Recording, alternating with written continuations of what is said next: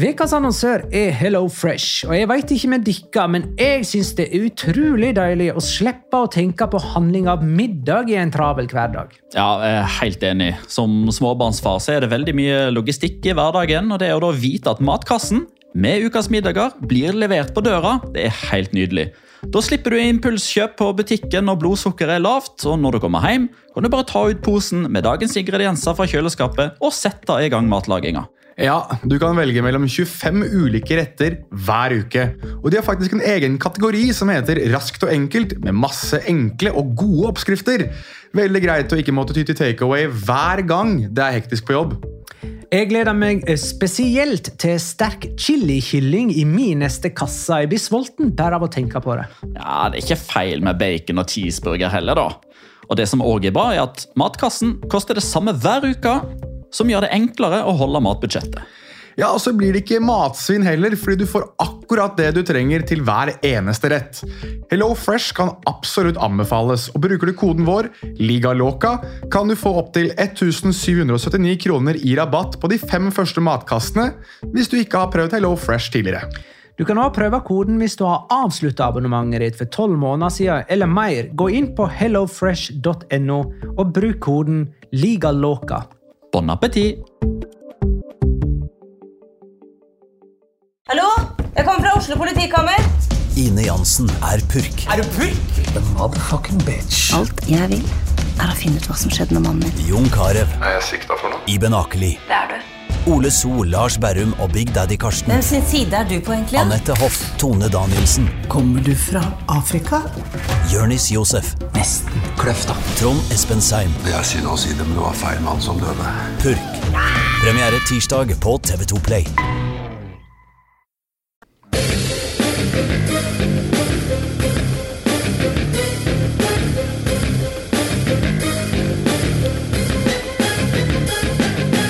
Har du sett sett? Santi Solari både starta og avslutta sin karriere som La Liga-trener med seier mot Valladolid. Det gikk kanskje ikke et fullt halvår, men halvsirkelen er i alle fall komplett. Nå skal Zinedine Zidane tilbake og gjøre den jobben han sjøl mente han ikke var rett mann til for ni måneder siden. La liga loca. En litt gærnere fotball. Ja, ja, ja, ja, ja. Dette er La Liga Loca, en slags ordinær, ekstraordinær ekstraepisode nummer 66. Veldig bra. Med meg, Magna Kvalvik, hei, og deg, Jonas Giæver, hei. Halla! Og Petter Wæland, hei. Hei!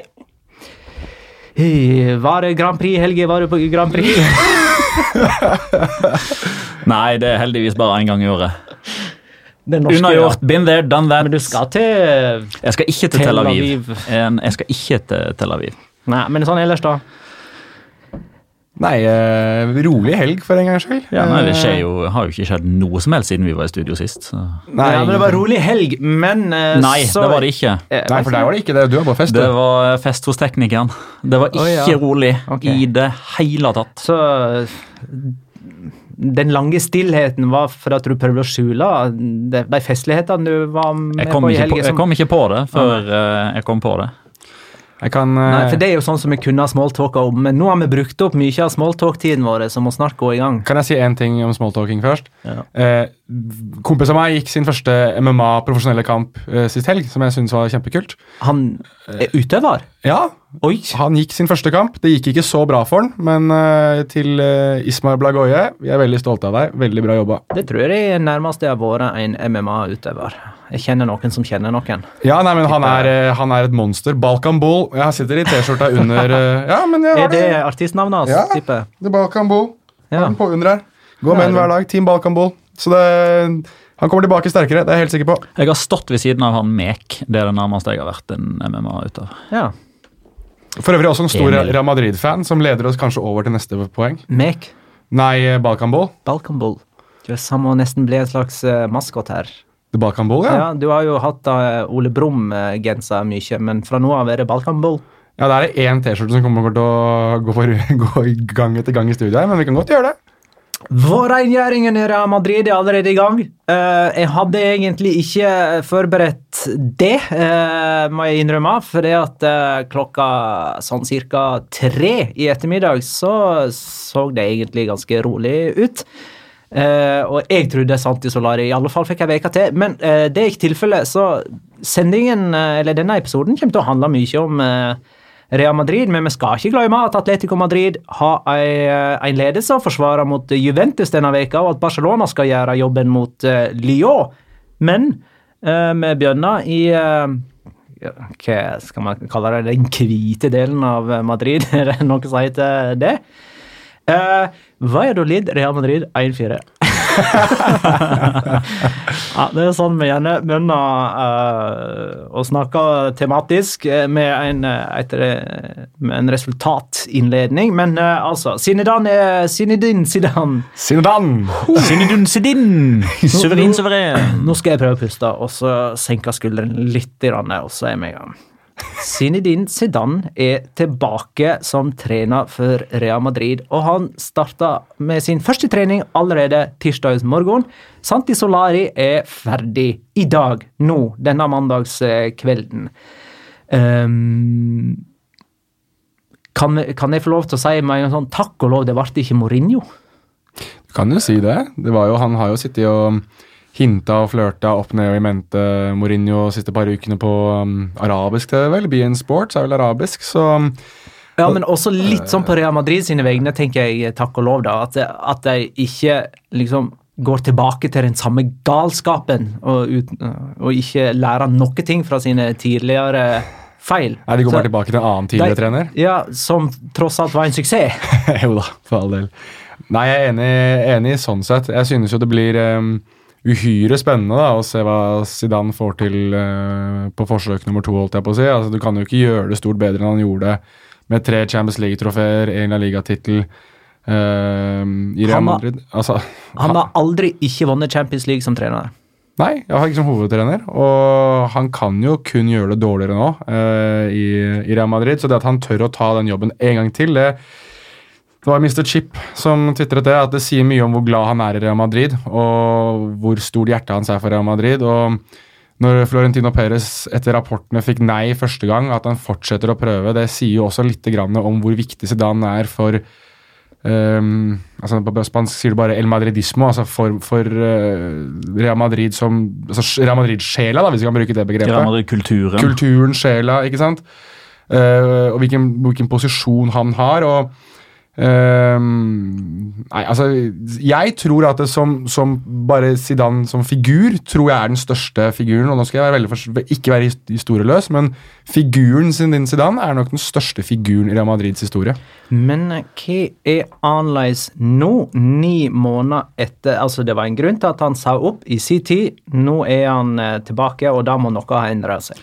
Altså Hvis vi prøver å huske tilbake til slutten av eh, mai i fjor, så, så kom jo det kom jo som et lynnedslag, fordi ingen, ingen, så det komme. Uh, selvfølgelig noen som uh, kanskje hadde tenkt tanken, fordi han hadde da vært trener i to og et halvt år, og det er veldig krevende å være Real Madrid-trener. og perioden til en Real Madrid-trener er ofte to eller tre år. Eh, enten så trekker man seg, eller så blir man enige om at man ikke fortsetter. rett og slett fordi det krever så mye. Og Zidane eh, hadde jo på mange måter toppa hele driten med å vinne tre på rad i Champions League. så det noen hadde kanskje konkludert liksom at ja, du skal ikke se bort ifra at Zidane eh, trekker seg. Blant annet Jonas var jo inne på det, at han trodde at Zidane ikke kom til å være trener. Mm. Eh, ikke nødvendigvis bare pga. det, men det var jo på at eh, han lå liksom langt etter i La Liga, og det var ikke på det tidspunktet sikkert at han kom til å vinne Champions League. Men når den nyheten kom, så kom det som lyn fra klar himmel.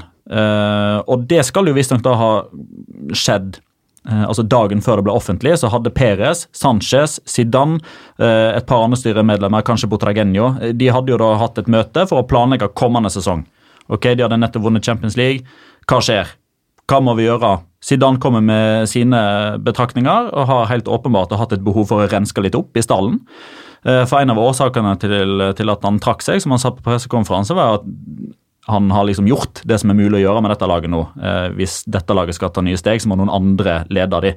Eh, og Det forteller jo liksom mellom linjene at Zidane hadde noen krav som Peres ikke var villig til å innfri. Eksempelvis eh, selge Bale, eh, hente den og den, bruke så og så mye penger, eh, renske opp. Det fikk han ikke aksept for da, så da trakk han seg. Men det må han jo ha fått aksept for nå, når han kommer inn ni måneder etterpå. Så det som har endra seg, det er jo Peres og hans ønske og villighet, tror jeg, til å komme med en, en form for uh, stor opprenskning til sommeren. Og så er det vel grunn til å tro at han visste om Cristiano Ronaldos Det exit. har jo òg kommet fram i etterkant, at uh, både Zidane og Marcelo visste det. altså Marcelo sa vel at uh, de hadde vel en, en trening rett i forkant av Champions League-finalen. Så hadde Cristiano Ronaldo bare plutselig sånn sagt til han det jeg stikker, jeg. Og sånn i etterpåklokskapens lys, er det det som på en måte har gått galt denne sesongen her, at de ikke gjorde noe med det? Altså Cristiano Ronaldo ut, uh, Zinedine Zidane for den del. Uh, og da var man allerede 17 poeng bak Barcelona mm. på tabellen uten å erstatte Cristiano Ronaldo eller få inn kvalitet, i alle fall i nærheten av nivået. Jeg tror at noe av den feilen Real Madrid uh, har gjort, og som har vært en del av uh, temaet før da Zidane ble offentliggjort i dag, var jo uh, at de ikke klarte å forberede seg grundig nok i, i sist sommer. At Perez fikk en del fingre rettet mot seg, bl.a. av Sergio Ramos, som skal ha kjefta på han i garderoben etter at de røk ut mot Ajax. der Eh, spillerne også hørte at eh, Ramos mente det at eh, Perez hadde gjort en for dårlig jobb, og at de ikke hadde lagt til rette for at de skulle kunne, kunne fortsette den suksessen de hadde. Og Det tror jeg har vært mye av problemet til Real Madrid denne sesongen. her, At de har manglet den hungeren og den iveren etter å repetere denne suksessen og kanskje holde det ved like. Og det gjør du først og fremst med å få inn nytt blod, enten på trenersida. Det måtte de jo fordi Zidane gikk, eh, eller på spillersida. Det måtte de jo egentlig også eh, da Ronaldo, eh, Cristiano Ronaldo forlot klubben. Svaret var jo spillere som Mariano, og det er ikke godt nok, først og fremst. Og det er ikke spillere som eh, kanskje har det, det, nivået og den hungeren. Han har sikkert hungeren, men ikke det nivået som trengs for å opprettholde det Real Madrid ønsket. Og når du da en hel sommer sitter og blir koblet med Neymar og Mbappé og ender opp med Mariano, så er det åpenbart et slag i trynet for Real Madrid. og Real Madrid-fansen, i alle fall. Det kan godt hende at Real Madrid sjøl var de så ivrige på ja, det må det jo ha vært. Altså, det var jo Så mye som i hvert fall Neymar ble snakket om, og så mye som ja, eh, faren til Neymar skal ha møtt Perez og osv. At ikke de endte opp med noe som helst. Ikke Eden Hazard, ingenting gikk deres vei sist sommer. Så selvfølgelig var det et slag i trynet for dem også. Og de klarte ikke å fornye seg på noen som helst måte. De klarte ikke å finne erstattere for to av de viktigste pilarene i det som er en av de mest suksessrike epokene i Real Madrids historie, altså Zidane slash Ronaldo-epoken. Um, og det, blir, det som blir det absolutt mest spennende nå med Real Madrid, er hva de gjør for noe til sommeren. Uh, vi snakket jo i siste episode, det var du som nevnte Magnar, at uh, det blir spennende å se om Florentino Perez bare går helt ham på overgangsmarkedet og kjøper hele verden. Og man må jo nesten nå forutse at det kan skje. fordi det var jo en av de forutsetningene Zidane satte før denne inneværende sesongen, at hvis han skulle bli, så måtte ting fornyes. Eh, jeg tror ikke Zidane sin endring, at det kom ut så mye endring i tankegangen til Zidane på ni-ti måneder. Det er den samme troppen, det er ikke noe forbedring. Det er én ny spiller som kanskje har gjort, uh, gjort noe nytt, og det er Venicius, og han er skada. Mm. Eller så er det det samme. Uh, Courtois han, var jo, altså han sto jo beinfast på Keylor Navas da Kepa ble koble når vi, når vi ser noe i etterkant, så kanskje Zidane hadde et poeng med Kepa, at han ikke ville ha ham inn. Men uansett så er det åpenbart at Real Madrid må, må fornye seg, og det er åpenbart at det har vært en forutsetning for at Zidane eh, skulle komme tilbake. Og det er også åpenbart at eh, Florentino Perez har eh, eh, gått med på de kravene. Så til sommeren så forventer jeg eh, Jeg forventer i hvert fall to eh, superstjernekjøp. Ja, jeg sier 2000, sommeren 2009. Du vender stadig tilbake igjen ti år i tid. Gjør det? Mm. Eh, jeg kom til å tenke på Jeg tror jeg tvitra det en gang. Eh, at jeg har ikke sett et så livløst og sånn ordinært Real Madrid siden det 08-09-sesongen. Og da kom jo Peres inn og, og, kjøpte det som kunne krype og gå. Mm. Og så tror jeg du spurte på en sånn intern vår eh, messenger redaksjonsmøte i dag, eh, Jonas. Når sist hadde Real Madrid ingenting å kjempe for lenger? Allerede i mars? Ja. 2006. Ja, det mener jeg var 05-06-sesongen. Og da ga Perez seg i februar. Stemmer det. Da trakk han seg. Ja. Var det Ramón Calderón som kom inn, var det ikke det? Ja. Han var eh, presidenten etterpå, ja. Ja. Og da drev de og skifta trenere. Luxembourg og mista jobben eh, i løpet av sesongen, og de henta opp reservelagstreneren. Bernt Schuster var inne der en gang også, var det ikke det? Nei, det var seinere igjen. Ja, han kom etterpå, mener jeg. Ja. Ja. Ja, det var vel 2008-ish. ja noe sånt. Ja. Uh, så storopprydning, da. Men uh, skal, kan jeg nett ta den uh, Jeg så en tweet fra de som kaller seg at Real Madrid Place. De refererer til marka Fichajes. Er det riktig sånn? Det er riktig, Cirka? det. Ja, ja. Eh, at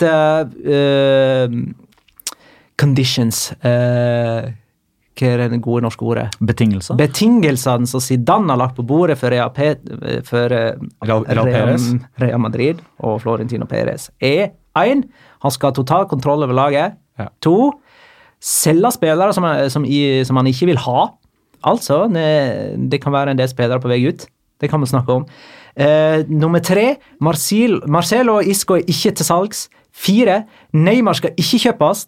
Fem Hames skal ikke returneres. Eh, og seks prøv å signere Mbappé. ja, det er en av de to stjernespillerne i så fall. Som jeg tror Ja. Neymar ikke, Nei, nei. men Mbappé ja. Eh, jeg veit jo ikke om dette stemmer. Eh, dette her er jo på en måte en del av rykteflommen som vi begir oss litt sånn innpå her nå, da. Ja.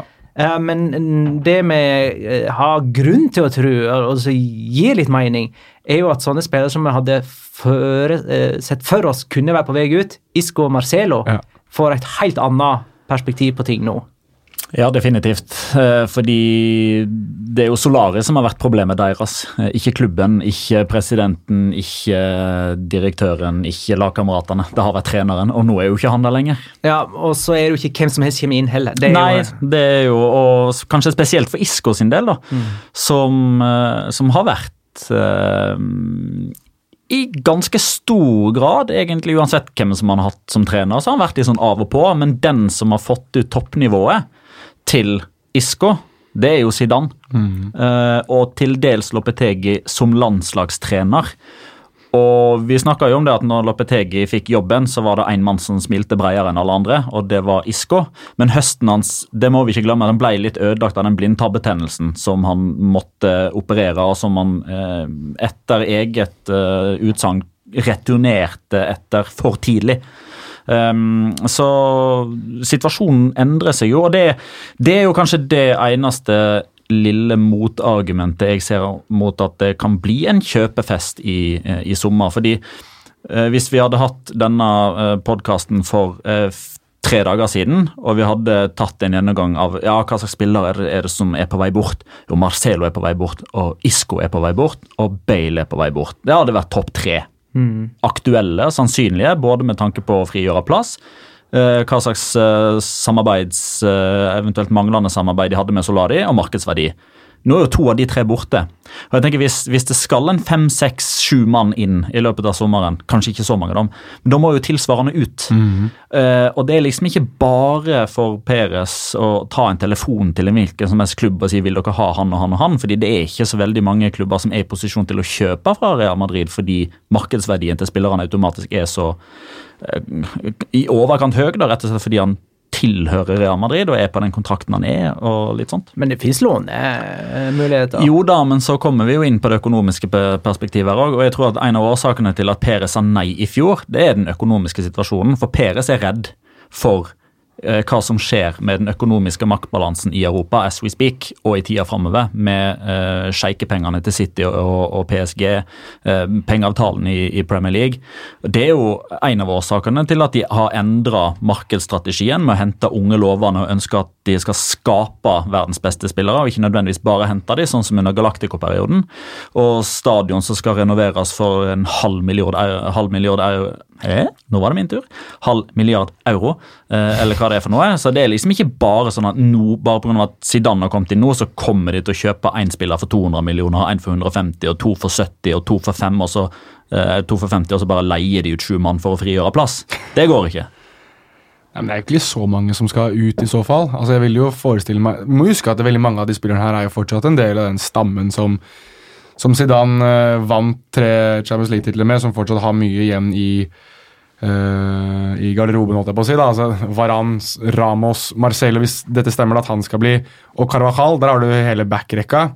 Og så har du da muligens Theo Hernandez som kommer tilbake igjen. Du har og så er det Keilo Navas inne mellom stengene igjen. ja, i hvert fall. Han er der, han òg. Men, men, hvis Kroos og Modric er Han skal prøve å gni Kanskje han skal ha én inn på midtbanen da, for å avlaste de to lite grann. Daniel Ceballos var jo ikke akkurat Men uh, da, da skal vi ta Beila først? Altså, han, ja, ja, men... Twitter-reaksjon var det han kom med på nyheten om at Zinedine Zidane er ny i Real Madrid? Nei, Det var vel noe throwback til en golfturnering, og at han gleder seg til neste, som var noe var det kommende helg. Så ja, han er bra, bra timing, Gareth. Men altså, han, han skjønner jo ikke bevisst, han, skjønner, han, han, skjønner, jo ikke spansk, så han har jo ikke fått med seg dette. Men altså, uansett La oss ha det klart. Men han er på vei ut. Solar eller Zidane, han hadde vært på vei ut uansett. Eller Porcetino, for den saks skyld også. Jeg tror ja. han er på vei ut uansett. Jeg. Den er grei. Så han er, han er ferdig. Uh, og så så jeg ah. Jo, nei Søren, jeg finner ikke igjen den uh, tweeten. Det var en som uh, sa at Jo, her er han. Kenneth er det som tvitrer. Alle kjenner jo til kjærligheten Zidane har til Benzema, men det må inn en spiss! Franske Ben er en dark horse. Og det hadde passa veldig bra, tror jeg. Smaker godt, det.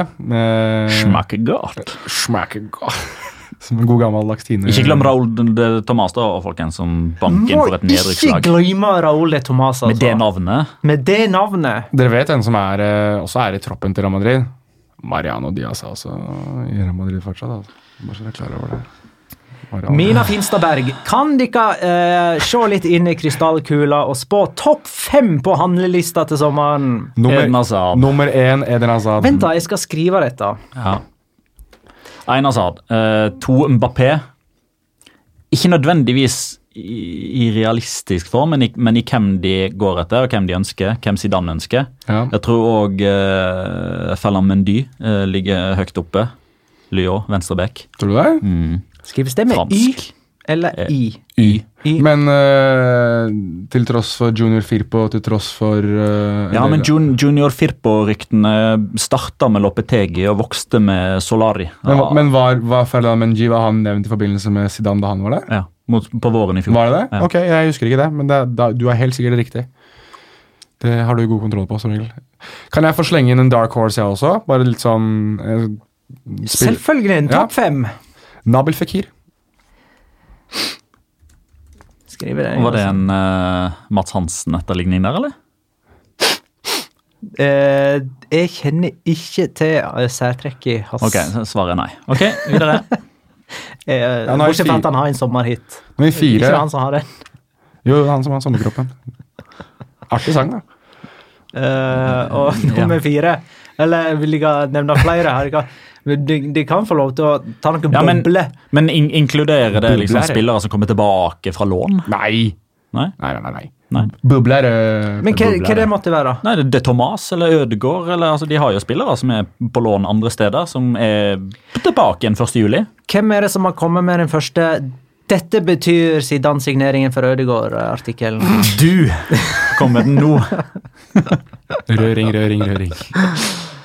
Ødegaard, Zidane eh, Vi kan jo eh, nevne dem, sånn at eh, Raúl de Thomas Ja, men ok, nå har vi Vi har Eden Hazard, Fela Menji jeg, jeg, sa Nabel Fikir, for jeg, ja. jeg syns han er enkel. Og så syns jeg Mbappé. Ja, ja, nå bare gjentar jeg de vi har nevnt. Ja. ja, ja, men nå er vi fire. Det, er mhm. fire. Du, du var jo topp fem vi skulle ha. Ja. Det? det er en femtemann, da, som ja. øh, gir mening, og som uh, adresserer et problem som Real Madrid har.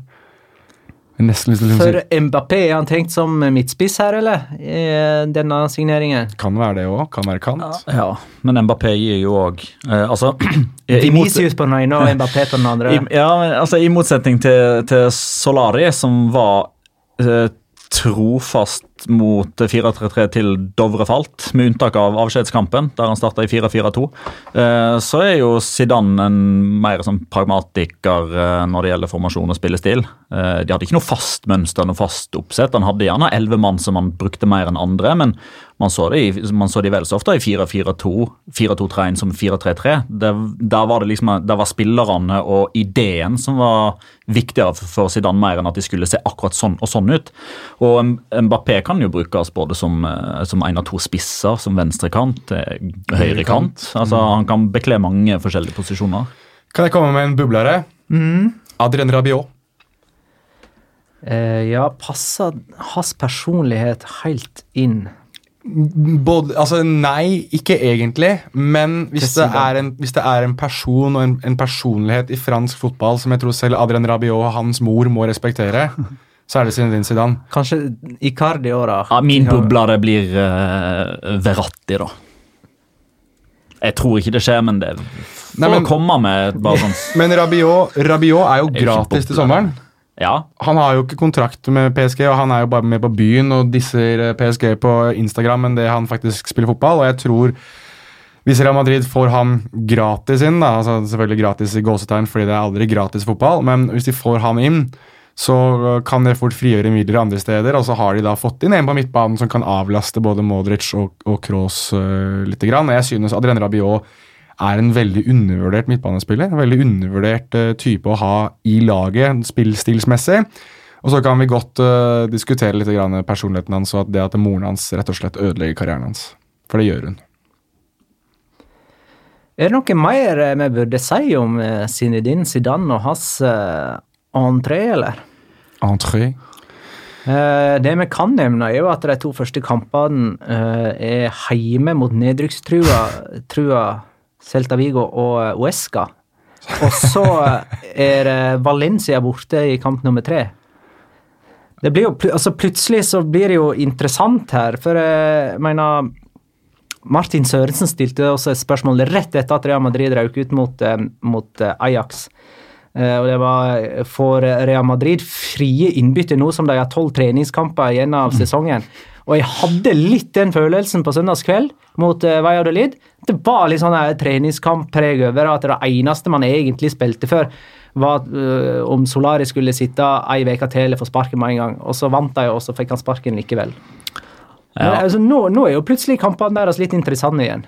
Ja, ja, absolutt. Eh, og det er jo kanskje en av årsakene til at uh, Perez valgte å pushe så hardt for å få Zidane til å komme tilbake nå. For altså, ja. gangen i det hele her, uh, sånn som man har blitt fortalt gjennom det man skriver og sier i, i Spania, er jo at Perez ringte Zidane onsdag morgen Eh, etter Ajax-tapet, og fikk vel egentlig konsekvent nei, altså kategorisk nei, eh, på om det var mulig for han å ta over jobben akkurat nå. Men han var ikke fremmed for å ta over til, til sommeren dersom det fortsatt skulle være aktuelt, eller hvis han kunne hjelpe på den måten. Eh, han trengte betenkningstid uansett. Hva som har skjedd fra onsdag til mandag, det er jo det som er spennende da er vi antageligvis tilbake til det vi snakket om tidligere her, om at da har antageligvis da, i løpet av den perioden så har Peres kommet med lovnader. Eh, eller Zidane har kommet med krav som Peres har akseptert. Eh, og, og, det at han da velger å ta det, ta det nå, eh, det tyder jo òg på at han mener at her er det mulig å, å, skape en sånn positiv drive inn mot kommende sesong, i stedet for at det blir en sånn treningskampspreg. Man får en endring i dynamikken. Og det er jo òg et faktum at altså den garderobekulturen som har vært i Real Madrid nå den siste, den siste uka, Altså, der har det vært muggen stemning. altså. Det har vært eh, tendens til, til, krangling og bråk mellom Ramos og Perez, mellom Ramos og Marcelo. Du har Nacho som sier at forholdet til, til treneren er, er vanskelig pga. at situasjonen er som den er. To minutter etterpå så kommer Benzema og sier at nei, stemninga er kjempebra, vi står bak Solari som enhver annen trener. Eh, du har eh, Isco som, eh, som, nekter å sitte på spillerbussen på vei til Santiago Bernabeu fordi han har funnet ut at han ikke er i kamptroppen. Eh, du du har Marcelo, som jo helt åpenbart lever sine verste dager som fotballspiller for øyeblikket. Som Solari velger å sette inn på tre minutter før slutt på stillinga 4-1. Fordi han skal liksom eh, Det er eh, Altså Takk skal du ha, Marcelo. Her har du tre minutter borte mot Valladolid for Sergio Regilon. Det var det siste Solari gjorde som trener. Ydmykende? Ja, sånn statuere et eksempel. Ok, Greit, jeg må gå som Real Madrid-trener. Jeg driter deg ut på den måten her. Jeg tror også et av poengene som er litt interessant, som du kanskje ikke nevnte, Petter, var jo det at det ble, ble rapportert av, av Jogones, som har vært de som har vært ganske i front på dette Zidane-løpet nå. og de, de, skrev jo først at Zidane hadde sagt ja til å ta over til sommeren. At uh, Han ville ikke ta over nå, men kunne ta over fra, fra sommeren av. Og Så har det gått noen dager hvor det har endret seg til at han tar over nå. Og Da tror jeg rett og slett at Florentino Perez har sondert det han kan sondere. Altså Korttidsløsninger. Hvem kan vi hente inn, hvem er det som vi ikke kan hente inn? Så det er rett og slett han har sagt at det er ingen som kan komme inn og gjøre eh, en, en, bedre jobb enn det Solari har gjort nå uansett, forutenom Zidane. da. Uh, Mourinho har allerede gnisninger i, i uh, spillerstaden, og Mourinho på korttidskontrakt. Kan du forestille deg det? Mourinho signerer en kontrakt fram til sommeren. Det kommer aldri til å skje. Det ville vært helt merkelig å ha en uh, sparke Solari og ha en korttidskontrakt til sommeren med noen ja. som helst. Ja, og Hvem skulle kommet inn og skulle på en måte vært det samme hjulet, da, med Guti som for skulle gå inn og ta over trener... Det er jo liksom ingen igjen å, det er ingenting Nei. igjen å redde av sesongen heller. Nei, ikke sant? Så, så akkurat nå så har jo nå betaler betaler Real Madrid tre forskjellige trenere. For eh, Solari har jo kontrakt til 2021. Eh, Lopetegi har jo fortsatt kontrakt. Skal vi tenne et lys for Julian Lopetegi? Det er klart Han får jo masse penger for å være arbeidsledig, men likevel, altså. Han, han, ja, det likte tweeten din, eh, Magna. ja. altså, Lopetegi fikk ikke være med i VM for at han hadde en avtale med Real Madrid. Mista jobben med Spania rett før VM. Mista jobben med Real Madrid et par måneder seinere, og nå er altså Zidane tilbake der han var for ni måneder siden, som egentlig skapte alle, alle den der turbulensen for Lopetegi i utgangspunktet. Ja. Selv Lopetegi valgte sjøl. Ja da, men Lopetegi Sikker på at den sangen som spilles hjemme hos Lopetegi hver eneste morgen, er uh, Wu-Tang Clans Cream, cash, rules, everything around me. Jeg tror ikke han bryr seg så veldig veldig mye, egentlig, når han blir betalt så gode penger som han fortsatt gjør. Vet du hva for en sang som blir spilt hjemme hos uh, Santiago Solari? Nei. Hvis jeg fikk være Solari Kan du gå videre, Magnar? Ja. Jeg driver og leter desperat etter neste punkt på Unnskyld. Ja, men, jo, nei, men Zidane sa jo egentlig opp sin jobb på det perfekte tidspunkt. Han, han hadde liksom vunnet alt man kunne vinne. Folk hadde litt sånn forståelse for at han gikk. Uh, og og som Mr. Chip sier, det står egentlig litt respekt av å hoppe inn igjen i det sirkuset her nå. At eh, det, det kan vise en viss form for eh, kjærlighet. Ja, vi fikk, Men kan, kan en stå ved det, eller? Ja, bare, vi fikk et veldig godt spørsmål her, synes jeg, i forlengelsen av det, av Arne Johan Hamre, som skrev nå for 18 minutter siden. Jeg forstår ikke hvorfor han skal tilbake til Real Madrid. altså Zidane har han ikke alt å tape? Mm. Og det synes jeg er et veldig veldig godt spørsmål, for svaret der er jo et rungende ja. Han har jo ikke så veldig veldig mye han, egentlig å vinne. Han vant liga og Champions League 16-17-sesongen, og det var første gangen de gjorde det siden hva? Nei, men, var det siden 90-tallet 90 eller noe sånt, eller? ikke det helt tilbake til 60-tallet, da? Men statusen uansett, altså statusen Zidane har i Real Madrid etter å ha vunnet de tre Champions League-ene på rad, og ja, vant også La Liga uh, den ene gangen Altså, den statusen er super-ultra-mega-legende. Altså, ja, ja. Og da sier jeg, som jeg sa i stad jeg mener, og jeg vil igjen ikke bli historieløs, men jeg mener at hvis du ser på summen av alt Zidane har gjort for Real Madrid, så er det ingen personlighet som er større i Real Madrids historie, spillemessig og trenermessig, enn Zinedine Zidane. Det setter han litt i jeopardy nå, ved å ta over som trener på ny etter å ha gjort det han har gjort. Både ja og nei. Eh, jeg følger deg på, på det rent, sånn, rent sportslig, for hvis eh, kommende sesong ikke blir så veldig bra, og så er ikke det så veldig bra halvveis ut i sesong to, så risikerer jo Zidane at, uh, man, at han får fyken. Ja. Uh, og så er jo fotballsupportere liksom, Akkurat i nuet så er man liksom korttenkt. Uh, og det siste Zidane har gjort, er å ikke lyktes med, med Real Madrid. Men så går jo tida, og da vil jo legendestatusen hans igjen være udiskutabel. Og da kommer jo dette følelsesmessige og um, madridismo-aspektet som vi var inne på i stad, når vi refererte til Mr. Chip. Mm. Derfor er det så vanvittig stort gjort av Zidane, egentlig. Uh, jeg har noen på, på Twitter som liksom sier at uh, ja, han må ha fått godt betalt for dette. Altså, jeg tror altså Hva Zidane får eh, for å være Real Madrid-trener nå, det, det, er selvfølgelig masse penger, men det hadde alle fått. Det er nok det som står lengst nede på prioriteringslista til, til, til Zidane. Lønnskrav. Altså, han har penger nok, for å si det sånn. Eh, men så tror jeg La oss si at, at, dette oppholdet ikke blir så veldig bra. da. Altså De, de tar tredjeplassen med, med, nød og neppe. De kvalifiserer seg til Champions League. Spillet ser litt så som så ut. Det blir store omveltninger til sommeren. Man bruker tid på å spille inn et nytt mannskap. Det blir ikke trofeer i verken La Liga eller Champions League neste sesong. Og så begynner man å, å, å tvile litt på var dette riktig av Zidane. Man, det er da man må huske tilbake igjen til mars 2019 og det valget han tok da, med å sette denne legendestatusen på spill. Og det kan nesten gjøre han til en enda større legende. At Zidane ikke bryr seg om det. Altså han tenker, Nå trenger klubben min hjelp. Ok, det er greit. Dere skal få den. Jeg bare vet ikke om alle fotballsportere er i den Nei, ikke akkurat der og da. Nei. På grunn av at fotball er ferskvare, og folk tenker i nuet, og man glemmer veldig fort. Men når man da kommer forbi det stadiet igjen, og man begynner å tenke tilbake igjen, da vokser legendestatusen ja, igjen. Hvis vi snakker om 10-15 år, typ da, så er jeg veldig enig med deg. Men jeg synes at det, det som er det virkelig store, og det, her følger resonnementet ditt helt Det store er det at han setter alt sammen på prøve nå. Han, mm. bare, han risker alt han har akkurat nå. Det er nesten som en uh, tittelkamp i boksing der man setter alle beltene på spill. Ja, det er det. Det er nest, nesten det. Ikke helt, men nesten. Ja, Gått tolv runder nå. Får vi se. Real Madrid uh, tapte 4-1 mot Ajax, og, uh, og dermed ble det fire strake hjemmetap. Ja, du vet, jeg må bare få sagt veldig fort, fordi det har jo De blir jo litt overskygget over at Zidane er tilbake, selvfølgelig, men før ZZ tok over på Santiago Bernabeu, så var det en annen med dobbelt Z, eller i hvert fall med én Z, som gjorde det veldig, veldig bra.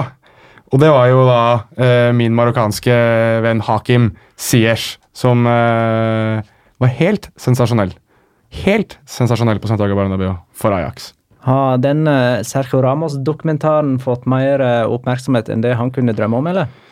Jeg mener, i dag så tvitra Sergio Ramos der han eh, Ja, hva var det for noe, da? han hadde en sånn spørsmål-svar-seanse med seg sjøl på Twitter, der han er sjølkritisk for at han valgte å sone karantene mot Ajax eh, og heller lage dokumentarfilm om seg sjøl. Husker dere tweeten fra eh, februar?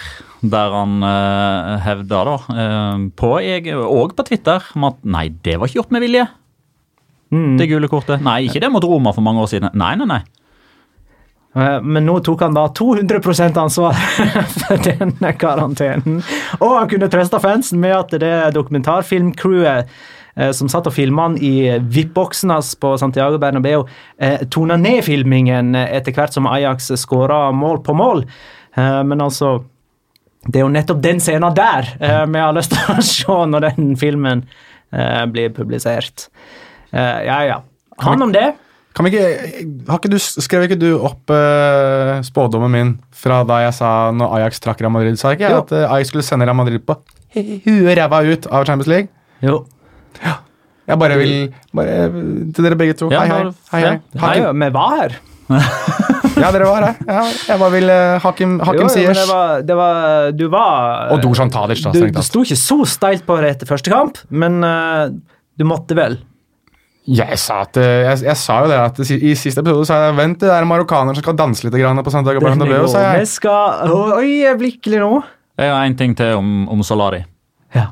Eh, fordi på, eh, på, slutten av 50-tallet så var det en Real Madrid-trener som het Manuel Fleitas, eh, som eh, trakk seg eh, med én seriekamp igjen å, å spille. Han avslutta Real Madrid-karrieren sin med en firemålstriumf. Enrique Fernandes, en uh, uruguayansk trener, var Real Madrid-trener i, i 54-55-sesongen. Han trakk seg pga.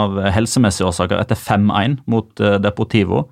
Ramón Encinas eh, trakk seg òg frivillig etter 4-1-seier mot Gijon på 50-tallet.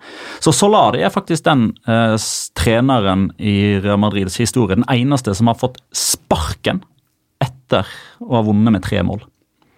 Altså Angelotti vant jo 7-3 i sin avskjedskamp, men det, det, var jo bare at han ikke fikk forlenga kontrakten. Ange, eh, Capello 3-1 i, i, siste kamp. Zidane ga seg med 3-1 mot eh, Liverpool. Del Bosque fikk ikke forlenga kontrakten etter 3-1, men eh, Solari slår knockout på de alle sammen med 4-1 og en støvel i ræva. Da skal vi snart spå hvem av Atletico eller Barcelona eller begge som går videre i Champions League denne veka. Atletico Madrid, Leganes 1-0. Saul skåra på straffe, dvs. Si han skåra på returen på straffe. Atletico gjorde det som trengtes, og knapt nok det, for å ta tre poeng mot Leganes. Det der var sånn Dette var andre gir. Eh, og i troppen mot Juventus De spiller allerede tirsdag, sant? Ja. ja. Så er det ingen Lucas Hernandez, ingen Felipe Luis. Godin er vel fortsatt skranten, men med. Han med. Eh, Diego Costa er ute, Thomas Partey. Eh, det er med tre reservelagsspillere. Eh, og her har Atletico Madrid plutselig mye å tape, og akkurat det så ikke jeg komme eh, før den første kampen. Og eh, etter den første kampen så tenkte jeg at her, her er jo Atletico fullt uh, videre, nesten. Uh, nå er jeg mer i tvil igjen. Fordi? Nei, jeg føler som sagt at uh, det er ganske mye de har å tape.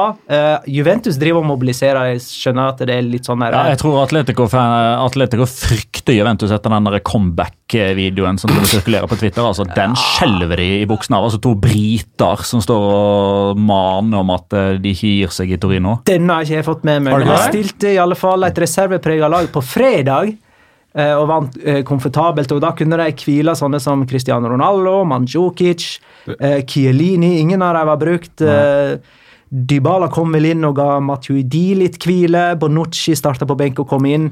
Eh, de, de kommer fullt restituert For til å- denne kampen her. For å sitere den briten i, det, i den videoen They are ready for a comeback.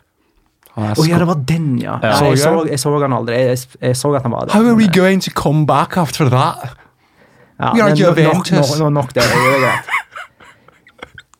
Det er, Men, men det, er jo, grusomt. det er jo likevel Jeg tenker mer på troppen, eh, spillere og Juventus som klubb, at det er full mobilisering. Og de går inn i den kampen uten noe ting å tape. Var det ikke, hadde de ikke noe sånn, sånn mobiliseringsgreier både altså, med spillere som hvilte osv. i forkant av uh, Var det returoppgjør mot Barcelona for noen år siden? Da hadde de også sånne comeback-videoer og hvilte masse spillere før kampen. De også. kom jo tilbake mot uh, Real Madrid Kom etter å ha tapt tilbake. hjemme. Nesten. Ja, ja. Ja, den var de, de, de kom jo tilbake, men så ble det en skåring på slutten der som snudde det helt. Mm. Tror- straffe. Tror det var, Nei, det var ikke den. Det var, var noen år før, i forkant av det. Jeg tror det var mot, uh, mot Barcelona. Det var noe comeback. mot, mot Barcelona så vant de jo 3-0 i første kamp. Og så ble det 0-0 på kamp nå. Ja, Men er det bare jeg som har blitt skeptisk på De vegne av. Atletico nå? Jeg syns ikke det har skjedd noe siden da som eh, skal endre noe særlig på det, nei. Er du litt skeptisk eh, sånn med tanke på de andre resultatene rundt omkring? PSG, som var storfavoritter mot United. Ja, det du. Madrid, Det er trenden vi ser i disse mm. åttedelsfinalene i Champions League. Huh. Snuoperasjoner en masse. Det er mange. Ja, de er- de er morsomme, alle sammen, syns jeg. Ja, ja, det er stor stas. Jeg ser den. Men eh, altså, det var jo et, at, altså, jeg tror ikke Atletico ble sånn kjempeslitne av å slå Leganes 1-0. Tok av Griezmann etter pause. Saul starta ikke. Det er greit. De, som sagt, jeg spilte på andre gir. Hvem Ja. spiller venstreback, da? Juan Fran. Blir det? Mot Ja. uh, Juve? Thomas Partey. Og, nei, Han er han er ikke med. Å ja, stemmer! Ja, Nei, det går jo ikke, det. Sir. Det er Ja, det det blir å si, at uh, troppen deres er ganske redusert. Jo, men det Du visste jo om det når kampen var ferdig og de hadde vunnet 2-0 mot Juventus, så det, det kan jo ikke ha vokst noe særlig på deg på to og en halv uke, det. Ja, når man ser nå troppen og sånt, og, og man liksom blir gjort klar over det. Altså, Elveren til, til Atletico kommer jo til å være Oblak i mål, og så er det Arias, Juan Fran, uh, Godin hvis han er klar. Ja, Jimenez og ikke Jo, jo, men han, blir- han, han blir klar. Savic har vært ute lenge. Ja, men det er Godin som sånn spiller. Godin og Jimenez. Så er det Saul, uh, Kåke, Rodri, Lemar. Og så er det Griezmann og Marata. Ja. Sant, Lemar. Jo, men Atletico trenger ikke å skåre. Nei, det, det er bra, det. De uh, går videre, selv om de taper 1-0 denne kampen. her.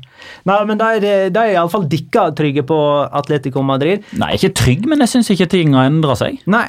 Eh, Barcelona slo Rayo Vallecano 3-1. Eh, de gamle travene Piqué, Messi og Suárez, eh, de som har blitt brukt mest, de skåra. Eh, dette var jo sånn type kamp der mange så for seg at Barcelona kom til å rotere veldig. Men sånne som Kevin Prince Boateng var ikke i troppen engang. Så hva gjør han der, egentlig? Det var egentlig et ganske toppa lag. Mm. Ehm, de har jo ikke det der å tape da mot Lyon, men uh, ja, 0-0. Vet du hva Kevin Eh, Prince Boateng er for øvrig? Siden du spør hva gjør han egentlig der. Du vet, Har du noen gang spilt football manager, og du sitter i et overgangsvindu og du ser på troppen din og tenker det er egentlig ikke så mye jeg kan gjøre for å forbedre her nå, sånn sett under de spillerne som man kan kjøpe og spille osv. Men du tenker at jeg må gjøre et eller annet, så du bare kjøper han keeperen til det laget som ligger på ellevteplass i Italia, hvis du er i Madrid, da, typ. Eller Barcelona. Så bare kjøper han bare for å Vi måtte gjøre noe. Vi måtte bare vise at vi var her. Håkon spør Dembélé har pådratt seg nok en skade, slik at Lyon-kampen står i fare. Hvem går inn for å erstatte han? En Coutinho i sitt livs verste form, eller en Malcolm uten kamptrening? Uh, her er det lov til å si én framfor navnet, for øvrig. For det at det er en Coutinho i en helt annen versjon eh, av seg sjøl, og det samme med Malcolm. En Malcolm i god form er noe annet enn en Malcolm uten kamptrening. Skjønner du? Det er lov å si én framfor navn i sånne sammenhenger. Ja. Si bare Coutinho, jeg, da. For ikke bli arrestert av noen. Ja, du må si noe du òg, da, Petter. Har dere glemt spørsmålet? Nei. Jeg Nei. sa Coutinho, jeg. Ja, jeg òg.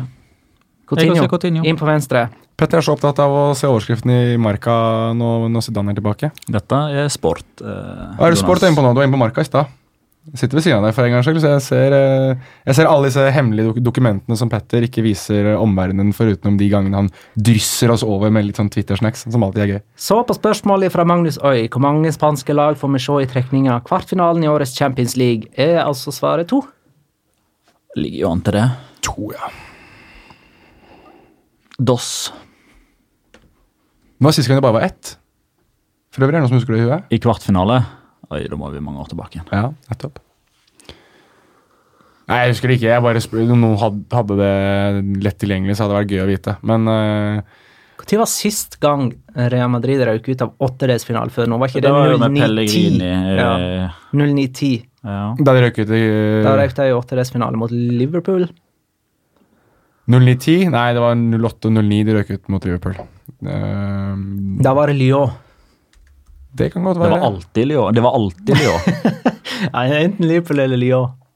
Skal vi se, vi er tilbake igjen i 09-10. Da var det bare Barcelona i kvartfinalen. Der ser du! Vi fant svaret! Det var Mourinho gjorde det, da han vant med Inter. Da Han vant med Inter, ja, det var da de Da slo, han eh, løp ut på slo kamp nå. ut uh, Barcelona. Nei, men Da bare går vi videre til eh, det som er av kamp om Champions League-plass i La Liga. Ja, kjør på. Getafe og Getafe det er Getafe-segmentet, det her, ja. de, tog, de toger videre, det Getafe Jaime Mata. Getafe Uesca 2-1. Heime er verdens beste mater! Han er verdens beste mata i form.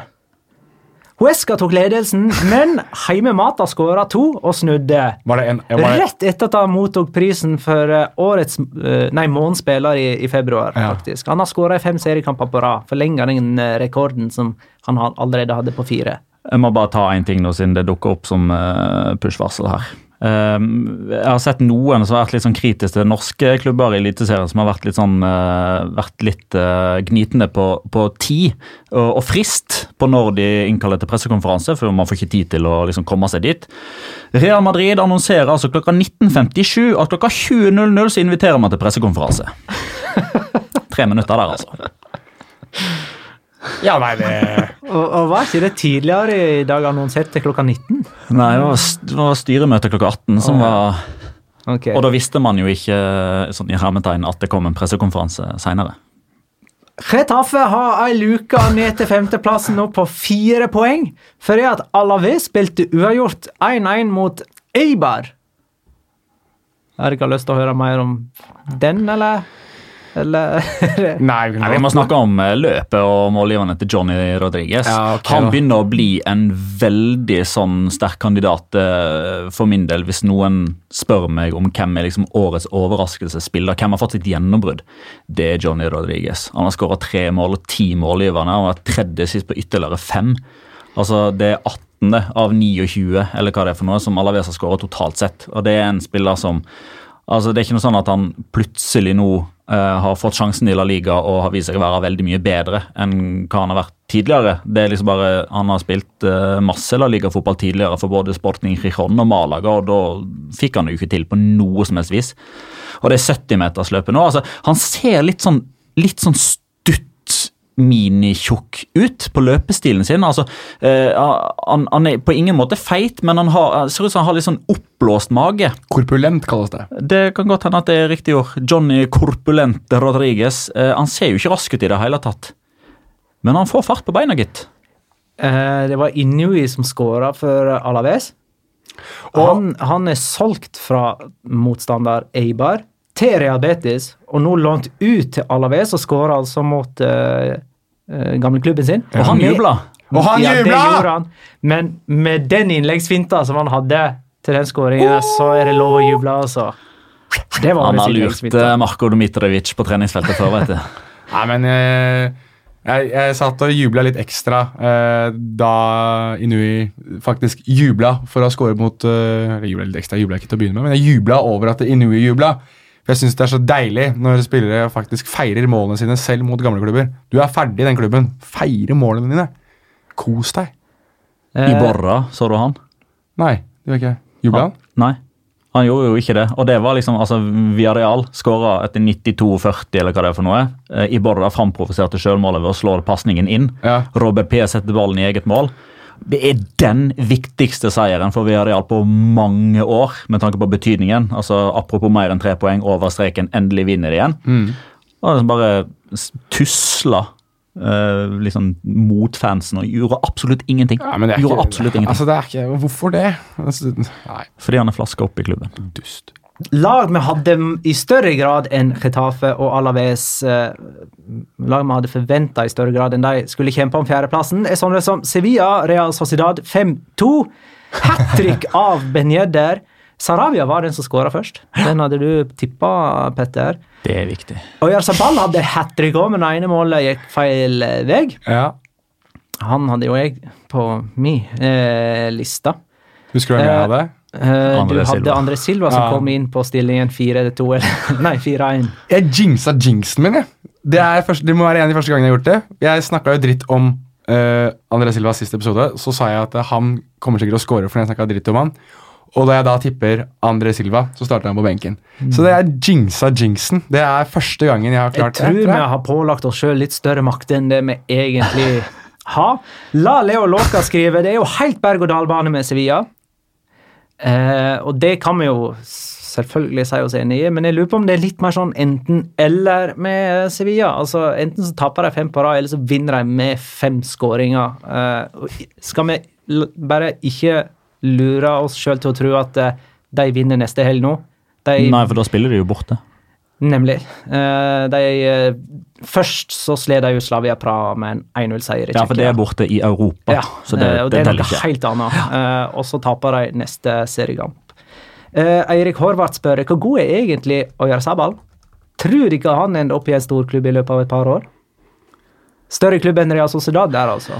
Ja, det, hvis han ikke gjør det, eh, så er det enten pga. at det blir store skadeproblemer og at han ikke blir så attraktiv som man tror, eller så er det kjærlighet til moderklubben. Og du skal ikke helt utelukke at Mikael Oyarzabal er en type som blir i klubben sin karrieren ut. Eh, rett og slett pga. at han er basker, og basker og tilhørighet. Det er tusenvis av eksempler, ikke så mange, nå, hundre, ti, titalls eksempler.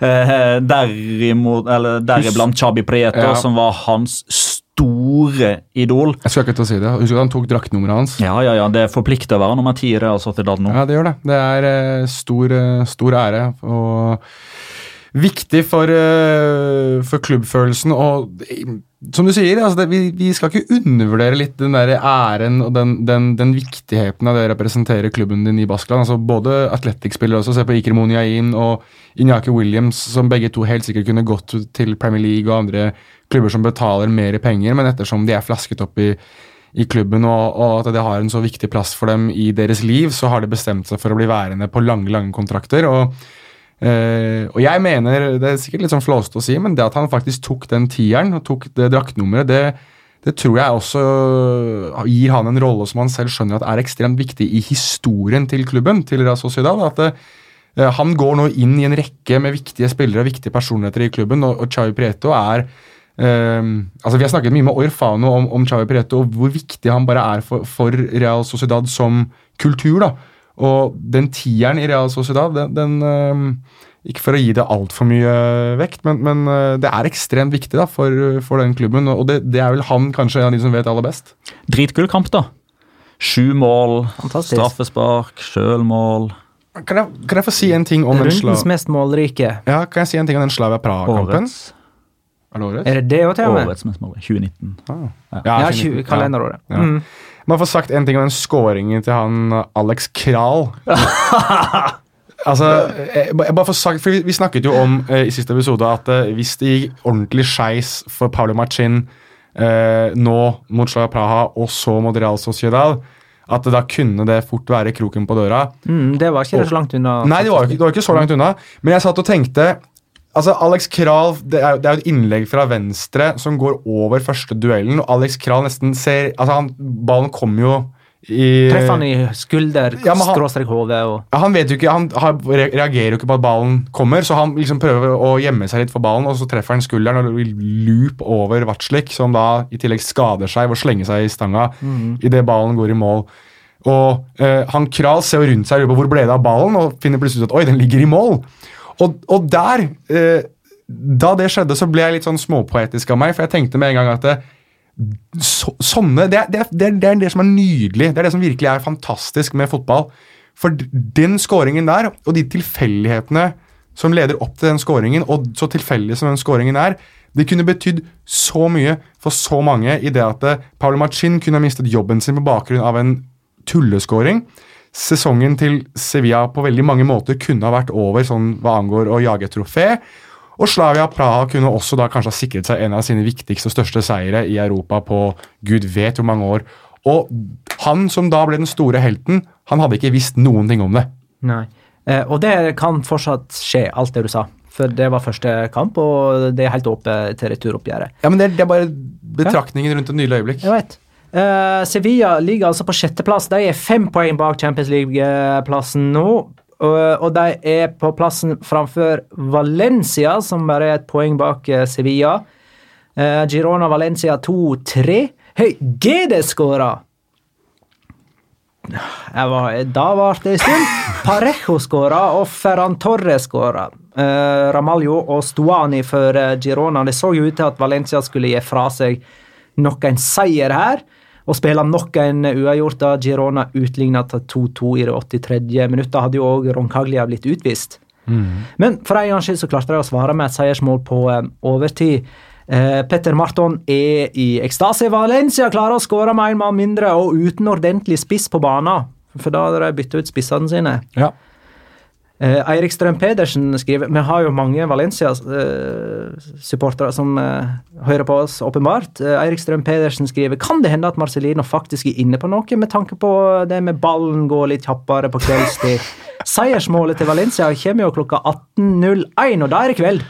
Og den ballen gikk fort, altså. Nei, noe fort. sinnssykt kjapt. Johannes Alin skriver Hvor bra kan Ferran Torres bli? Han er La Ligas største spanske talent. Ja, Niklas Hermansson svarer med ei geit. Han kan bli goat. Ja, ja. Svenskene han ordne dette? Ja, kanskje ja, Nei. Nei. Tror... Men, eh, men, Spanias største talent, sier du. Ja.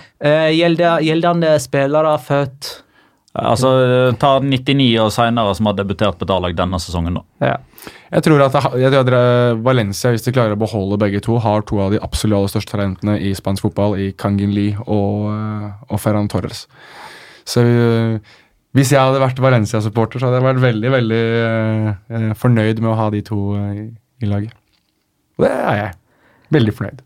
Vi tar en slags overgang fra Champions League-kampen, eller duellen om Champions League-plasser, til nedrykksstrid ved å ta Celta Vigo mot Real Betis 0-1. Jesse skåra for Real Betis, folkens. Første skåringen hans siden han skåra for uh, Stoke mot Arsenal høsten 2017. Ja, august. Sommeren 2017. Og, og der spilte vel egentlig eh, Real Betis en ganske god kamp. Ja. Eh, og, men det som er at eh, når Real Betis scorer, da kan du si at de har spilt en god kamp. Men egentlig så er ikke den kampen her noe annerledes enn alle andre kampene de har spilt. Helt enig. Helt Ja. enig. Resultatet Det er resultatet som er fordrer liksom hvordan man ser på hvordan en Betis-kamp har, eh, har vært. Men jeg må bare skyte inn her. Eh, I La Liga denne sesongen her, hvis man ser på antall mål som klubben skårer når en spiller er med kontra ikke med Vet du hva for en spiller som utgjør den største forskjellen denne sesongen? Altså antall skåringer for klubben når han spiller, kontra når han ikke spiller. Jeg hadde lyst til å si, jeg si Jago Aspas for Celta, men det er jo sikkert ikke han, ettersom det er Betis øh, Eller er det Det er en Betis-spiller. Ja, det var det jeg antok. Ehm, Lo Celso? Nei. som er med Kan du Oi, det var et veldig godt spørsmål. Joaquin? Nei. Leines. Nei. Eisa Mendy! Nei. Nei, jeg vet ikke. Han spiller jo alt, så der er Ja. Ja, ja, ingen- Christian Theo. Ah. Han har skåra på frispark. utrolig mye mer når han er på banen. Ja. Han hadde målgivende, eller ikke målgivende Nei, men han var involvert i skåringa, han som er som- framprovoserte returen. Ja, han som hadde avslutningen som eh, ga returen Jesse skåra på.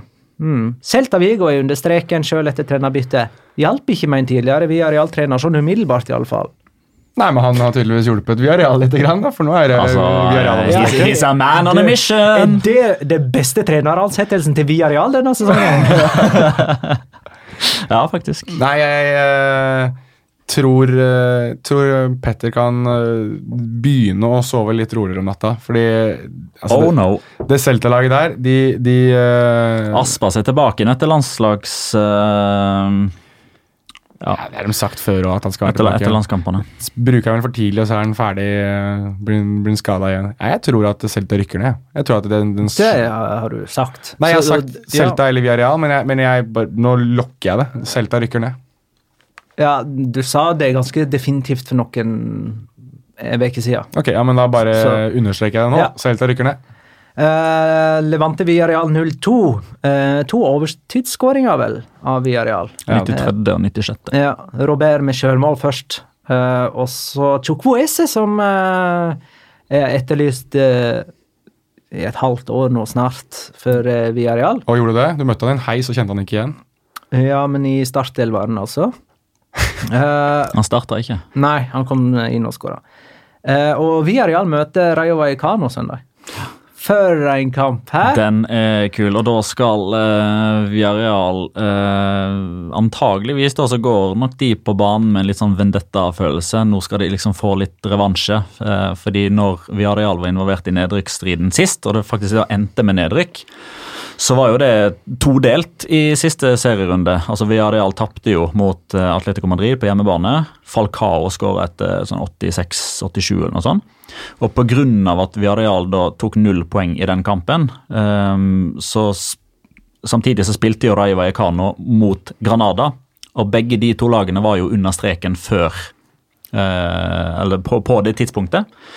Eh, og begge to kunne rykke ned, eh, men fordi Viareal da uh, tapte, og kampen var ferdig eh, et par minutter før, det var lagt til tre i Atletico Villarreal, og så var det fem eller noe sånt i Rayo Granada, da skårer jo Raúl Tamudo et offside-mål i det 95. minutt, eh, som gjør at Rayo Vallecano beholder plassen, og Granada holder òg plassen sjøl med tap.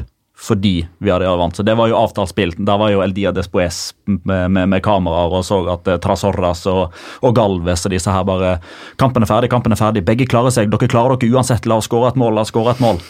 Og pga. det så rykker Villarreal ned. Så hvis eh, Villarreal slår Rayo Vallecano, så vil jo det i så tilfelle være det syvende strake tapet for Rayo Vallecano, og da kan eh, styrmannen fortsette å holde kontroll på om Mitchell har fått sparken ennå.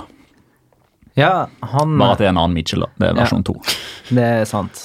Han hadde jo det på seg nå, eh, Rayo-treneren, at eh, ikke, uten klar forbedring i oppgjøret mot Barcelona på kamp nå, så var det sparken.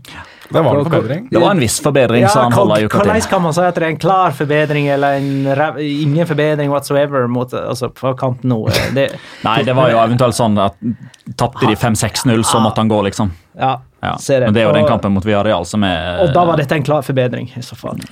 De, Tok jo ledelsen i hvert fall, da. det skiller fire poeng mellom de fem nederste på tabellen. Uh, Uesca er nederst Oi, med 22. Rayo Vallecano er nest nederst med 23. Celta Vigo er under streken med 25 poeng. Villarreal så vidt over med 26, likt med Valladolid. Eh, så Villarreal Rayo nøkkelkamp til søndagen. Eh, den kampen som på en måte ikke spilte den helt store rollen denne runden, var Atletic Español, som endte 1-1. Det var fredagskampen. Målgivende av vår nye favorittspiller uh, Mm. Eh, ellers var vel i grunnen Ibay Gomez sin målgivende. den var eh, litt mer snacks. Vet du en som, vet, vet du en som satt og nikka anerkjennende til TV-skjermen sin? Han så sikkert ikke på, men han hadde gjort det. Quaresma? Ricardo Quaresma. Ja. Uh, K- Trivella! Trivella, er det det? Trivella! 13 uavgjorte nå på Atletic. De jakter Valencia, som har 15. Å ja, de kan faktisk Ja, de har 13, ja. Stemmer det. Ja, de har nesten glemt å, å liksom holde tellingen på disse her uavgjortene. Rekorden var 18, ikke sant? Depo, Mm. Depor for 18 noen er rekorden, ja. år siden. Ha med en rundespiller! Ja, det har vi. Neimen, så kjør! Da må jeg få det fram her. Skal vi se. Yes! Det var en gang en trollmann fra den vesle byen Sarcelles i Frankrike. Liten av vekst, men med et stort smil listet den vesle trollmannen seg ut i gatene for å bedrive sin fotballmagi med sine venner. Blant vår helts beste venner var en virtuos ved navn Riyad. Slik som vår trollmann var eh, slik, som, som, slik som trollmannen vår beklager, var Riyad av nordafrikansk opphav, og om noen år skulle han skyte en lilleputt til toppen av engelsk fotball. Men nok om Riyad. For vår trollmann skulle selv måtte ta den lange, lange veien til toppen. Først måtte han vise seg verdig på et amatørlag i Alforville. Før sin lange tur vei Wow, dette er dårlig. Før sin lange tur opp til den øverste divisjonen av fransk fotball, så spilte vår venn på landslaget i futsal for Frankrike. Der viste han at han var liten av vekst, men at hans magi fortsatt var den sterkeste av dem alle. Trollmannen velsignet Toulouse fra 2010 til 2016, der han blant annet viste seg mektigere enn den gamle og vise sjamanen André Pierre Gignac. Såpass mektig hadde vår vesle helt blitt at det lokket tilbud fra sirener og sigøynere i Andalusia. Et av Spanias mest beryktede heksehus, Ramón Sánchez Pijuan, trengte en ny stormester til å akkompagnere spåmannen Sarabia og åndemaneren Ever. Og med noen smekk med tryllestaven og noen ballberøringer så hadde trollmannen fra Sarcels bevist at selv om han var liten av vekst, var han stor av magi. Mot Real Sociedad vartet han ikke opp med bare én, ikke bare to, men med tre tryllekunstnere der ballen, ja, nesten på litt mystisk vis, endte i løkgarnet bak en forfjamset ablegøyemaker fra Argentina. Hele 26 ganger denne sesongen har vår fransk-tunisiske trollmann vist at veien fra seg selv til Sevilla er lang, men for den mektigste av alle trålmenn er det en vei verdt å ta. Lenge leve magien, og lenge leve den vesle trollmannen. Og neste gang dere ser vår trollmann utøve sin magi, skal dere vite at hans fremste trylleformel er abra kadabra à la Kawissam. Runden spiller Wissam Ben Yedder. Cool! Burde ikke han ha gjort noe med det der eh, bukkeskjegget sitt?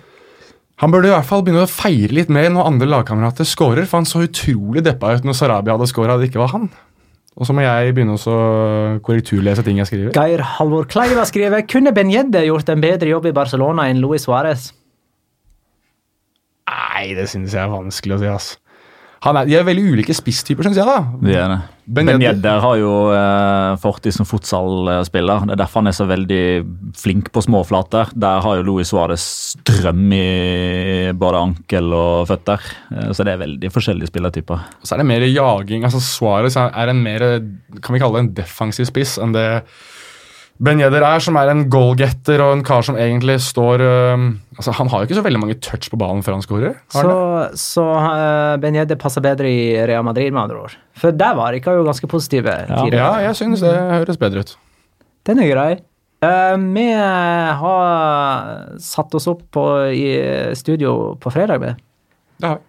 For det at da kommer landslagstroppen til Spania ut. Mm sin til, til Norge-kampen, Ja. som er ikke kommende helg, men neste helg. Eh, og vi skal jo til Valencia. Så vi lager en liten ekstra pod på når landslagstroppen deres eh, kommer ut. Du skrev vel på Eller vi la vel ut en tweet i dag om at vi skal til Valencia. Mm, Det var jeg som la ut, ja. Felix eh, svarer med hashtag metoo. Da begynte jeg å lure et lite øyeblikk om noen av oss burde ha dårlig samvittighet, men jeg tror jeg bare mente at han òg skal til Valencia for å se den kampen. Eh, Pål Ødegaard skriver det skal òg Che Skandinavia, som eh, vanlig i Valencia under Las, Falla, Las Fallas. Den festen, er det den eh, Eller festivalen, type. Ja. Er det den eh, veka før, og så kulminerer det den helga, er det sånn? Ja, det stemmer vel, det. Ikke at jeg har vært der uh, underveis, men det er noe brenning av noe greier og litt forskjellig. Knut Eirik eh, Kringeland lurer på om vi kan ta opp noen reisetips til akkurat den turen der. Eh, jeg reiser med Lufthansa lørdagsmorgen 23. mars. Eh, Vi flyr til Barcelona og tog videre nedover middelhavskysten. Så du flyr med Norwegian eh, går ut. Ja. Det gjør ikke, og til Barcelona. Ja. Og så tar jeg Renfe-tog Ja. derifra. Så eh, det får bli våre reisetips der, da. Ja, Hvis han skal under Faya, så vil jeg anbefale Den Lufthansaen for øvrig, den går via noe tysk. Frankfurt sikkert. Og så til Valencia, så jeg trenger ikke å ta det toget. München, har vi ikke det? Ja, jeg tror det er forskjellig på vei opp og ned. Ok. Ja, i hvert fall uh, reisetips uh, hvis han skal Spørs om han skal før eller etter Fayas. Hvis han skal til før Fayas, så ta en god og lang prat med leveren din. Ja. Ehm, nei, men da er det tid for Locora! Ukens La Liga Locura. Locura. Locura. Locura. La Liga Locura. Ja, Vi sitter ved siden av hverandre, Jonas. Jeg har lagt merke til hva som er lokoraen din. Den var sånn delvis min òg, men jeg har litt å fylle på etter at du har tatt din. Du kan få ta jeg skal ikke ta den likevel. Hæ? Nei, jeg tar ikke den. Ok, nei, greit. Da kjører jeg Christian Stuani-show. Ja, vær så god. For han uh, var i begivenhetenes uh, sentrum mot, uh, mot Valencia. Han framprovoserte altså da det andre gule kortet, som medførte utvisning på Facundo Roncalla. Så det betyr at han har framprovosert tre røde kort denne sesongen. Det er flest av alle. Det var han som var i duell med Mokhtar Diakabi når eh, da Valencia fikk straffespark imot. Eh, og Det var den tredje straffen Stoani har framprovosert denne sesongen. Det er flest av alle. Det som er ekstra moro med det, er at alle tre har blitt gitt etter at VAR har vært inne i bildet. Så ingen av de tre straffene han har fått, har blitt gitt i utgangspunktet, men dommer har gått ut og sett på monitor og gitt straffe. Og den straffen tok han jo selvfølgelig sjøl. For hvorfor skal han ikke ta straffe sjøl når han har satt 14 av 14, og altså nå 15 av 15? Han har dermed tangert La Liga-rekorden på flest skåra straffer med 100% uttelling, altså 15 av 15. Det blir garantert 16 av 16. Og apropos 16, det er antall mål Christian Storani har nå. Kun Lionel Messi har skåra flere enn han. Fordi Suárez har 15. Jo, han har 15. Jo, han har 15 fordi det er sjølmål mot Leganes og sjølmål mot Español. Luis Suárez har 15. Jonas? Eh, ja, jeg hadde to, men jeg velger den som er mest gøy, og det er uh, Casemiro. Ja. Fordi på 188 kamper for Real Madrid så fikk vi da en historisk begivenhet da han ble utvist for første gang i sin Real Madrid-karriere. Eh, to gule kort. Han så selvfølgelig eh, Ikke det første gang sånn generelt i hele Nei, han Nei. har blitt utvist i brasiliansk fotball. han har, det, han har det en gang i 2012. Det var mange som mente at det var første gang noensinne i hans karriere. Det er feil. så det, De får bare sitte og tro det. Ikke la Det sannheten ødelegge Europa god historie. spiller, blir spilt fotball, vet du. Helt riktig. Nei, 188 kamper hadde Casemiro spilt for eh, Real Madrid, og så fikk han to gule kort. Det andre gule kortet er jo selvfølgelig noe av det dummeste eh, du kan få gult kort på. Han da stopper et frispark og får sitt andre gule og er utvist, og så selvfølgelig he helt sjokkert ut. For selvfølgelig, så mye dritt og så mye møkk som Casemiro har kommet unna med uten å bli utvist. Selvfølgelig er du sjokkert når det er det du blir Ja, for utvist han, for. det var frispark til Valladolid, og så stilte han seg opp en meter framfor ballen, og så tok de frisparket rett i han. Og det er det mange spillere som slipper unna med. Ja. Uh, som om jeg er en sånn type «Øh, Nei, men det sto jo bare her! Uh. Men greia er jo at spillerne har sjøl ansvaret med å komme seg ni meter vekk fra ballen. Det er ikke sånn at de skal dirigeres vekk. Så når du har stilt opp der, så får du ta den støyten. Jeg håper det blir fulgt som et eksempel, og blir, bli fulgt opp Ja, seinere det burde- det burde det. Det der skjer aldri. Det er skjer aldri. Han, han stilte seg opp der for han var sikker på at han ikke kom til å få gult kort, for det skjer aldri. Nei, det er sabotasje. Sabotasje. Min uh, Locora er den morsomste situasjonen, syns jeg, fra denne runden. Det var den første VAR-situasjonen i Valladolid, uh, Valladolid Real Madrid. Da producer kjører denne split screen-greia med et bilde av baner den ene ruta, nærbilde av dommeren den andre ruta, og et bilde av VAR-rommet i den tredje ruta. Men VAR-rommet var jo her folketomt. Skjerma sto på. Eh, ellers var rommet mørkt, og stolene var tomme. Og Samtidig så kan man altså se hoveddommeren på José Soria som står med fingeren til øret og venter på beskjeder fra varrommet. Og det ser jo for oss ut som han aldri kommer til å få noen beskjed derifra. Eh, det ser rett og slett ut som at VAR-teamet har tenkt at uh, dette her er ikke en viktig kamp. Det kommer ikke til å skje noe her uansett. Vi stikker og tar oss en pizza. Men så er vel greia det at det er flere sånne VAR-rom. Og at de rett og slett aktiverte kamera i feil VAR-rom. At de satt i rommet ved sida av eller et eller annet sånt. Men det var ufattelig kult, da. Den likte jeg. Kan jeg, kan jeg få ta en kjapp til, siden Petter hadde to siste uke? Veldig kjapp. Eh, Anuar skårte jo mot Real Madrid i samme kamp som du snakket om her. Det var det 290. målet en marokkaner hadde skåret i La Liga. Altså Marokko er det landet med flest skåringer altså fra Afrika med flest skåringer i La Liga. 290. Men uh, Dette kan vi ta på bakrommet etterpå, men jeg tror vi må ta en diskusjon om uh, hvem som er marokkanere og, og, ikke. Han er født i Theota det er derfor marokkanerne hevder at han er marokkaner. Spanjolene hevder han er spanjol. Han har aldri spilt en landskamp for Marokko, han er født i Spania. Skal du ha 289 skåringer fra marokkanere i eh, La Liga? Ja. Det er fortsatt mest fra Afrika? Nei, men det er mange andre av, de, av disse som er født i de ja, to spanske enklavene. Det er fortsatt mest fra Afrika. Ikke hvis du fjerner 170 av en og samme mann som de krangler om. Hvem var det? Jeg husker ikke navnet på. han teller, han nå! Vi er best i verden! Hakim Siyesh for verden! Vi skal tippe. I forrige runde så tippa vi Sevilla Real Sociedad. Det endte 5-2. Sarabia var første målskårer. Petter hadde 2-0 med Sarabia som første målskårer. Det gir tre poeng, sant? Ja.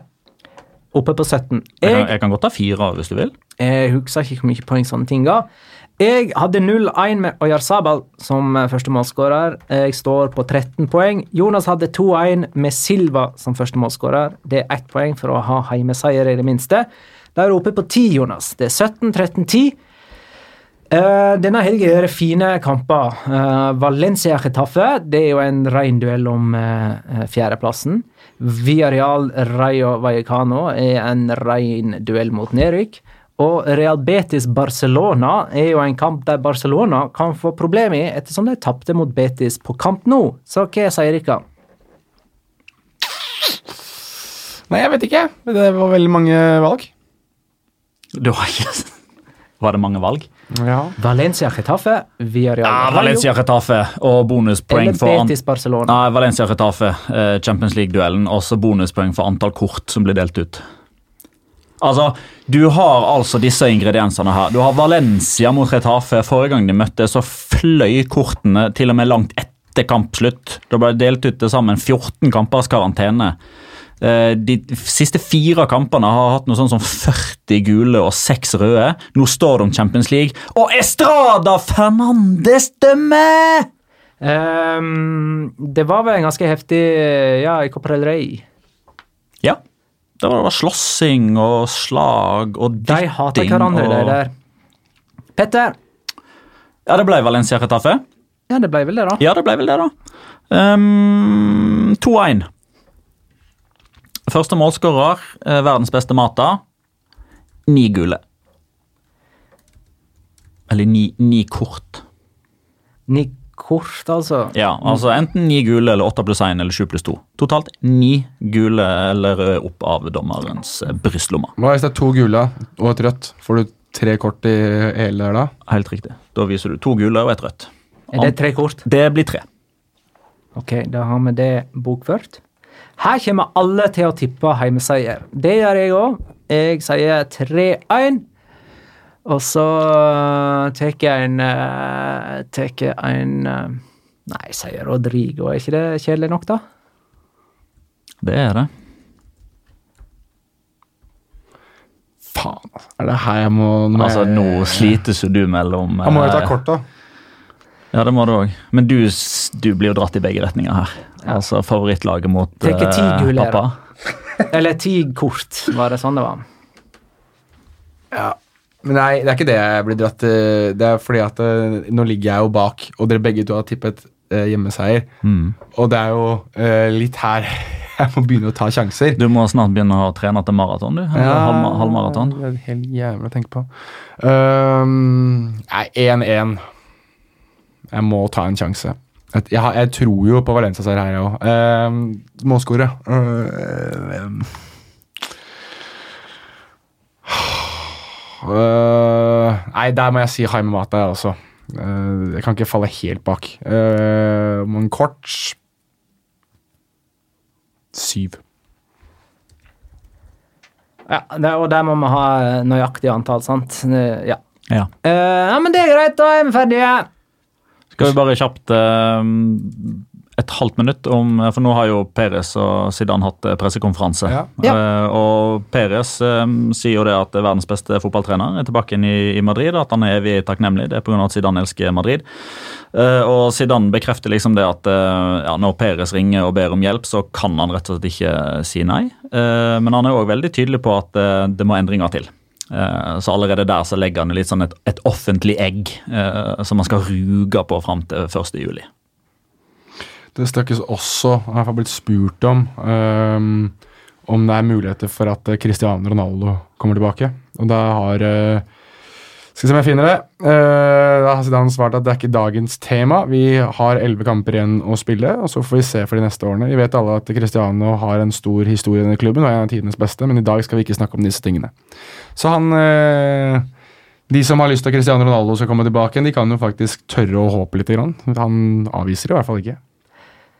Tusen takk for alle spørsmål og innspill som har kommet og hjulpet oss med innholdet i denne episoden. Tusen takk for at du lytta, kjære lytter. Ha det, da.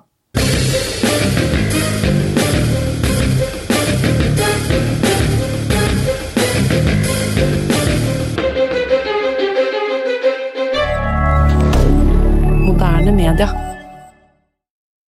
Har du et enkeltpersonforetak eller en liten bedrift? Da er du sikkert lei av å høre meg snakke om hvor enkelt det er med kvitteringer og bilag i fiken, så vi eh, gir oss her, vi. Fordi vi liker enkelt. Fiken superenkelt regnskap.